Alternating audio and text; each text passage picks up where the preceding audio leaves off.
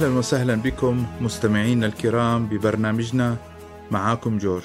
زي ما ذكرت بالحلقات السابقة عنوان دورة الموسم الأول هو معاكم نحو الحياة الأفضل. زي ما طرحت بالحلقة الأولى تحدثت عن أهمية كتابة قصة الحياة للتعرف على الشخصيات والأحداث والظروف اللي ساهمت في بناء شخصيتنا. بالحلقة الثانية أيضا ذكرنا أهمية رسم خط زمني للأحداث اللي هو timeline اللي بيساعدنا على تحليل كيف أثرت هذه الأحداث هذه الشخصيات بتكوين مبادئنا قيمنا نظرتنا لأنفسنا ونظرتنا للآخرين. في الحلقة اليوم بالحلقة الرابعة سأناقش أهمية العائلة والديناميكية داخل العائلة والأسرة بتكوين الشخصية. ورح أطرح الموضوع من خلال نظرية بعلم الإرشاد النفسي تدعى نظرية المعرفة السلوكي للإرشاد والتوجيه Cognitive Behavioral Therapy.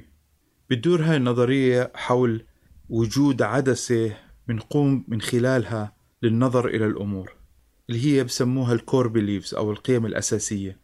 وإحنا منترجم جميع الأحداث والظروف وحتى حديثنا مع نفسنا من خلال هاي العدسة من خلال هذا الفلتر.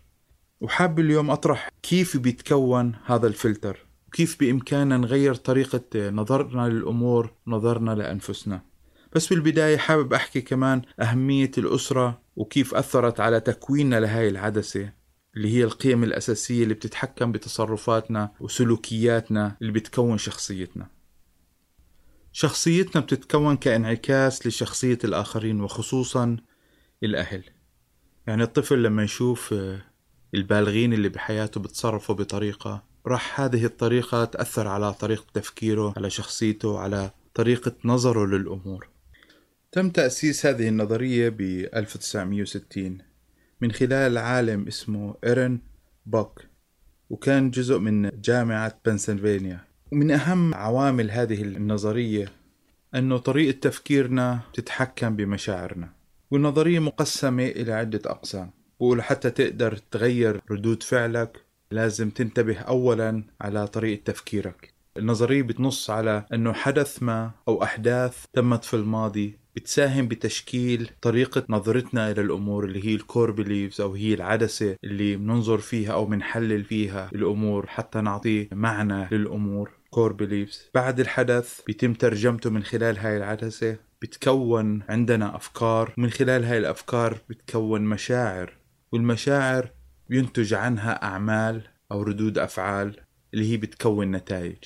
عشان نقدر نغير النتائج لازم نغير طريقة تفكيرنا وعشان نقدر نغير طريقة تفكيرنا لازم نبحث ونحلل العدسة اللي بننظر فيها إلى الأمور. ورح يكون في إمكاننا في يوم من الأيام نقدر نغير طريقة نظرتنا للأمور هاي العدسة اللي بنشوف فيها العالم اللي رح تتحكم في طريقة تفكيرنا ومشاعرنا وأفعالنا ونتائج هاي الأفعال. نظرية بتساعدنا أنه نترجم الأمور اللي بنقوم فيها ليش بنشعر بالطريقة اللي بنشعر فيها وليش بنتصرف بالطريقة اللي بنتصرف فيها. تعطينا فهم لنوع شخصيتنا. اليوم حابب أربط ما بين تكوين الشخصية وبين أهمية العيلة والشخصيات القريبة علينا تصرفاتهم وكيف أثرت على طريقة تفكيرنا الشخصي على تكوين شخصيتنا وعلى طريقة نظرتنا إلى الأمور. وحابب أركز بالبداية على ال core belief ما يسمى بالقيم الأساسية أو المبادئ.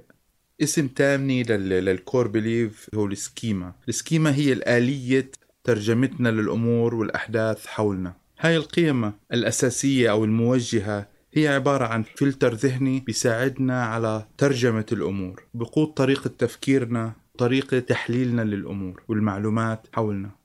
وهاي القيم الأساسية أو المصفاة مش بس تتحكم بطريقة نظرنا لأنفسنا هي بتتحكم أيضا بطريقة نظرنا للآخرين وللعالم حولنا.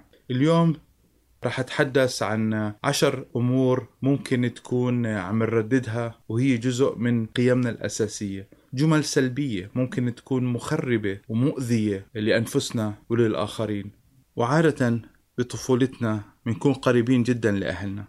عشان هيك دورهم بكون دور كبير بتكوين شخصيتنا. وحتى شخصيتنا مرات كتير بنشوف هي انعكاس لشخصية الأشخاص المهمين في حياتنا كالأهل. على سبيل المثال إذا أنت نشأت بأسرة بتقيم النجاح وإذا ما حصلت على النجاح كنت قادر أنك ترضيهم ممكن يعاملوك بطريقة آه، تشعرك بأنك أنت غير مهم أو غير قادر على الإنجاز أو حتى غير محبوب. هذا بيأثر على طريقة نظرك لنفسك. أنك كيف أنت بتصير تترجم الموضوع أنه إذا أنا كنت قادر على الإنجاز هذا بيعني أنه عندي قيمة. وإذا فشلت بالإنجاز وتحقيق النتائج العالية بنظر الأهل أو بنظر الآخرين أنا ما عندي قيمة. عشان هيك مهم جدا أن الأهل يكونوا حريصين وحذرين بكيف بيتعاملوا مع أولادهم. لأنه من خلال هاي التعاملات هم عم بزرعوا فيهم القيم الأساسية ال core beliefs ال schemas اللي من خلال هدول الأطفال شخصيتهم رح تتشكل بطريقة يكونوا عدسة للنظر إلى الأمور بتأثر عليهم طول أيام حياتهم. حان الوقت ببرنامجنا أنه ناخذ فاصل موسيقي بسيط بس نرجع رح نتحدث عن عشر جمل سلبية ممكن نقوم بترديدها بيننا وبين أنفسنا. عشر جمل سلبية ممكن تكون بحياتنا بتأثر على تعاملنا مع أنفسنا مع الآخرين مع المجتمع حولنا وهي جمل تخريبية بتخرب على النفس. خلينا ناخذ فاصل بسيط وبس نرجع نتحدث بالعشر الجمل السلبية اللي ممكن عم نرددها بيننا وبين أنفسنا.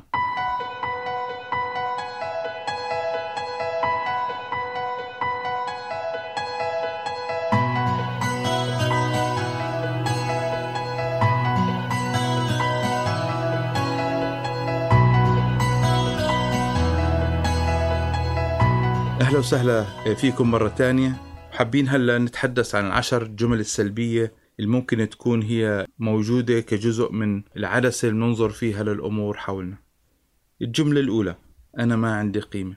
المرات كتير بنفكر أنه ما عندنا قيمة لأنه ما كنا قادرين على الإنجاز أو إرضاء الآخرين. أنه قيمتنا تيجي من قدرتنا على الإنجاز. إذا فشلنا في الإنجاز أو التحصيل على آه، أمور مميزة جدا على علامات عالية أو على مرتب عالي أو على مركز عالي فاذا أنا قيمتي تكون محدودة أو حتى ما عندي قيمة. الجملة الثانية ما في فايدة إيش ما سويت الوضع ما راح يتغير. ما بكون عندنا الحافز لأنه نعمل شيء يغير من وضعنا. بتأثر على روح معنوياتنا على دافعنا للتحصيل والتقدم. الجملة الثالثة ما عندي القدرة أني أنجز. هاي الجملة رح تسرق منا حماسنا ودافعنا. أو ممكن نقول هذا العمل لا يمكن إنجازه. ممكن تكون هاي الجملة صحيحة. أنه فعلا أنه الإمكانياتك الشخصية غير قادرة على إنجاز هذا العمل العظيم اللي أنت بتحلم فيه. ممكن ننظر للموضوع بشكل إيجابي. تدفعنا للبحث عن طرق أخرى للإنجاز أو تدفعنا للبحث عن مساعدة أو طلب العون من الآخرين اللي حولنا. الجملة الرابعة لا يوجد لدي الموارد لإكمال العمل. أنا إيش ما سويت ما راح أقدر أكمل. نفس الشيء هاي جملة سلبية ممكن تسرق منا الحماس والدافع آه، والاجتهاد. الجملة الخامسة أنا غير محبوب أنا غير مرغوب فيه تشعرنا بالرفض تشعرنا بالتردد عندما ندخل إلى علاقات جديدة. الجملة السادسة الآخرين أفضل مني. اللي هي لما نقارن أنفسنا مع الآخرين. أن هو عنده أنا ما عندي. أو حتى نقارن أنفسنا مع أنفسنا. أنا قبل عشر سنوات كان عندي الإمكانيات كان عندي الطاقة. بشبابي كنت قادر على عمل هذا الشيء ولكن الآن أنا ما بقدر. الجملة السابعة ما عندي ما يكفي. أنا مش كفاية. خصوصا عندما تواجهك مشاكل الحياة وتحدياتها تشعر أنه إيش ما سويت أنا ما عندي الكفاية. الجملة الثامنة لازم أكون كامل حتى الناس تحبني حتى يكون عندي قيمة. لازم أحصل على أفضل النتائج. هاي طريقة تفكير هي أسرع طريقة للفشل. لأنه ما حدا فينا كامل ما حدا فينا راح يقدر يحقق النجاح كل مرة مية بالمية. جملة تاسعة رأيي أو صوتي غير مهم ما له وزن. أنا مش مهم. إيش بفكر؟ إيش بشعر؟ إيش بدي؟ إيش رغباتي؟ مش مهم. كمان هاي جملة سلبية ممكن تكون مصدر كبير للإحباط عدم بذل الجهد. الجملة العاشرة ما عمري راح أتغير ما عمري راح أحدث أي تغيير حولي. كل هاي الجمل ممكن نقولها لأنفسنا. تكون مصدر إحباط. ممكن تصرفات الأهل تصرفات المجتمع حولنا أثرت على أنه نكون هاي الطريقة من التفكير هاي السكيمة أو هذا الفلتر اللي بيساعدنا على النظر إلى الأمور وترجمة الأمور حولنا. هاي كل الأمور جمل سلبية ممكن تكون موجودة داخلنا وتكون هي طريقة تحليلنا للأمور. طب شو الحل؟ حابب أطرح بعض الأمور اللي يمكنك أنك تعملها لتحسين الوضع. حتى تقدر تغير هذا الفلتر أو هاي السكيما أو هاي القيم الأساسية اللي بتتحكم بتصرفاتك وبتشكل شخصيتك. أول شيء ممكن تسويه أنك تلاحظ نفسك عادة بنعيش حياتنا بشكل أوتوماتيكي بدون تفكير نفس الروتين ما بنلاحظ أنفسنا ما بنلاحظ طريقة تفكيرنا السلبية. خذ قرار في هذا النهار أنك تلاحظ نفسك تنتبه لطريقة تفكيرك. الخطوة الثانية أنه تحدد التفكير السلبي. كل ما تفكر فكرة سلبية تقول أنه هاي هي فكرة سلبية. لما تفكر أنه صوتك أو رأيك ما ما بيأثر أو غير مهم تعرف على هاي الجملة أنها جملة سلبية. لازم أكون كامل. مش لازم تكون كامل ما في حدا كامل. اتعرف على هاي الفكرة أنها فكرة سلبية. حطها بإطار بإطارها الحقيقي أنه هاي الجملة سلبية. وقم بالبحث فيها هل هاي هي جملة حقيقية أم لا. النقطة الثالثة أنه أحكم على هاي الجملة السلبية بأنها أفكار سلبية وليست حقيقة. ما تعطيها حجم أكبر من حجمها. قم بتحليلها. هل هي صحيحة أم لا؟ إذا كانت صحيحة إيش بإمكانك تسوي لتغيير هذا الشيء؟ ما تخلي هاي الجملة تأثر على نفسيتك على طريقة تفكيرك على تصرفاتك على نتائج حياتك اللي بتحاول تحققه. بالنهاية خذ نفس عميق ثم أكمل يومك. بعد ما أنهينا العشر الجمل السلبية اللي ممكن نقولها لأنفسنا وشفنا آه، تمرين بسيط أنه إيش بإمكاننا نعمل حتى آه، نتوقف عن هاي الحديث السلبي مع النفس. أرجو بأن تكونوا قد استمتعتوا بهذه الحلقة. للحصول على ملخص هذه الحلقة والأدوات المساعدة الرجاء آه، زيارة المكتبة الإلكترونية الخاصة بموقع معاكم. على الرابط التالي.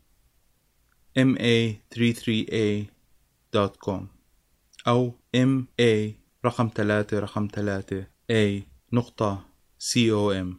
لا تنسوا المساهمة بدعم البرنامج وكل فقرات راديو النعمة على برامج التواصل الاجتماعي من خلال ال share وال like. نحن نرحب بكل تعليقاتكم وأسئلتكم على هاي الحلقة وكل حلقات البرنامج. أفضل مكان للتواصل معنا هو صفحتي الخاصة على الفيسبوك. رجاء البحث باللغة العربية عن برنامج معاكم. إلى اللقاء في الحلقة القادمة.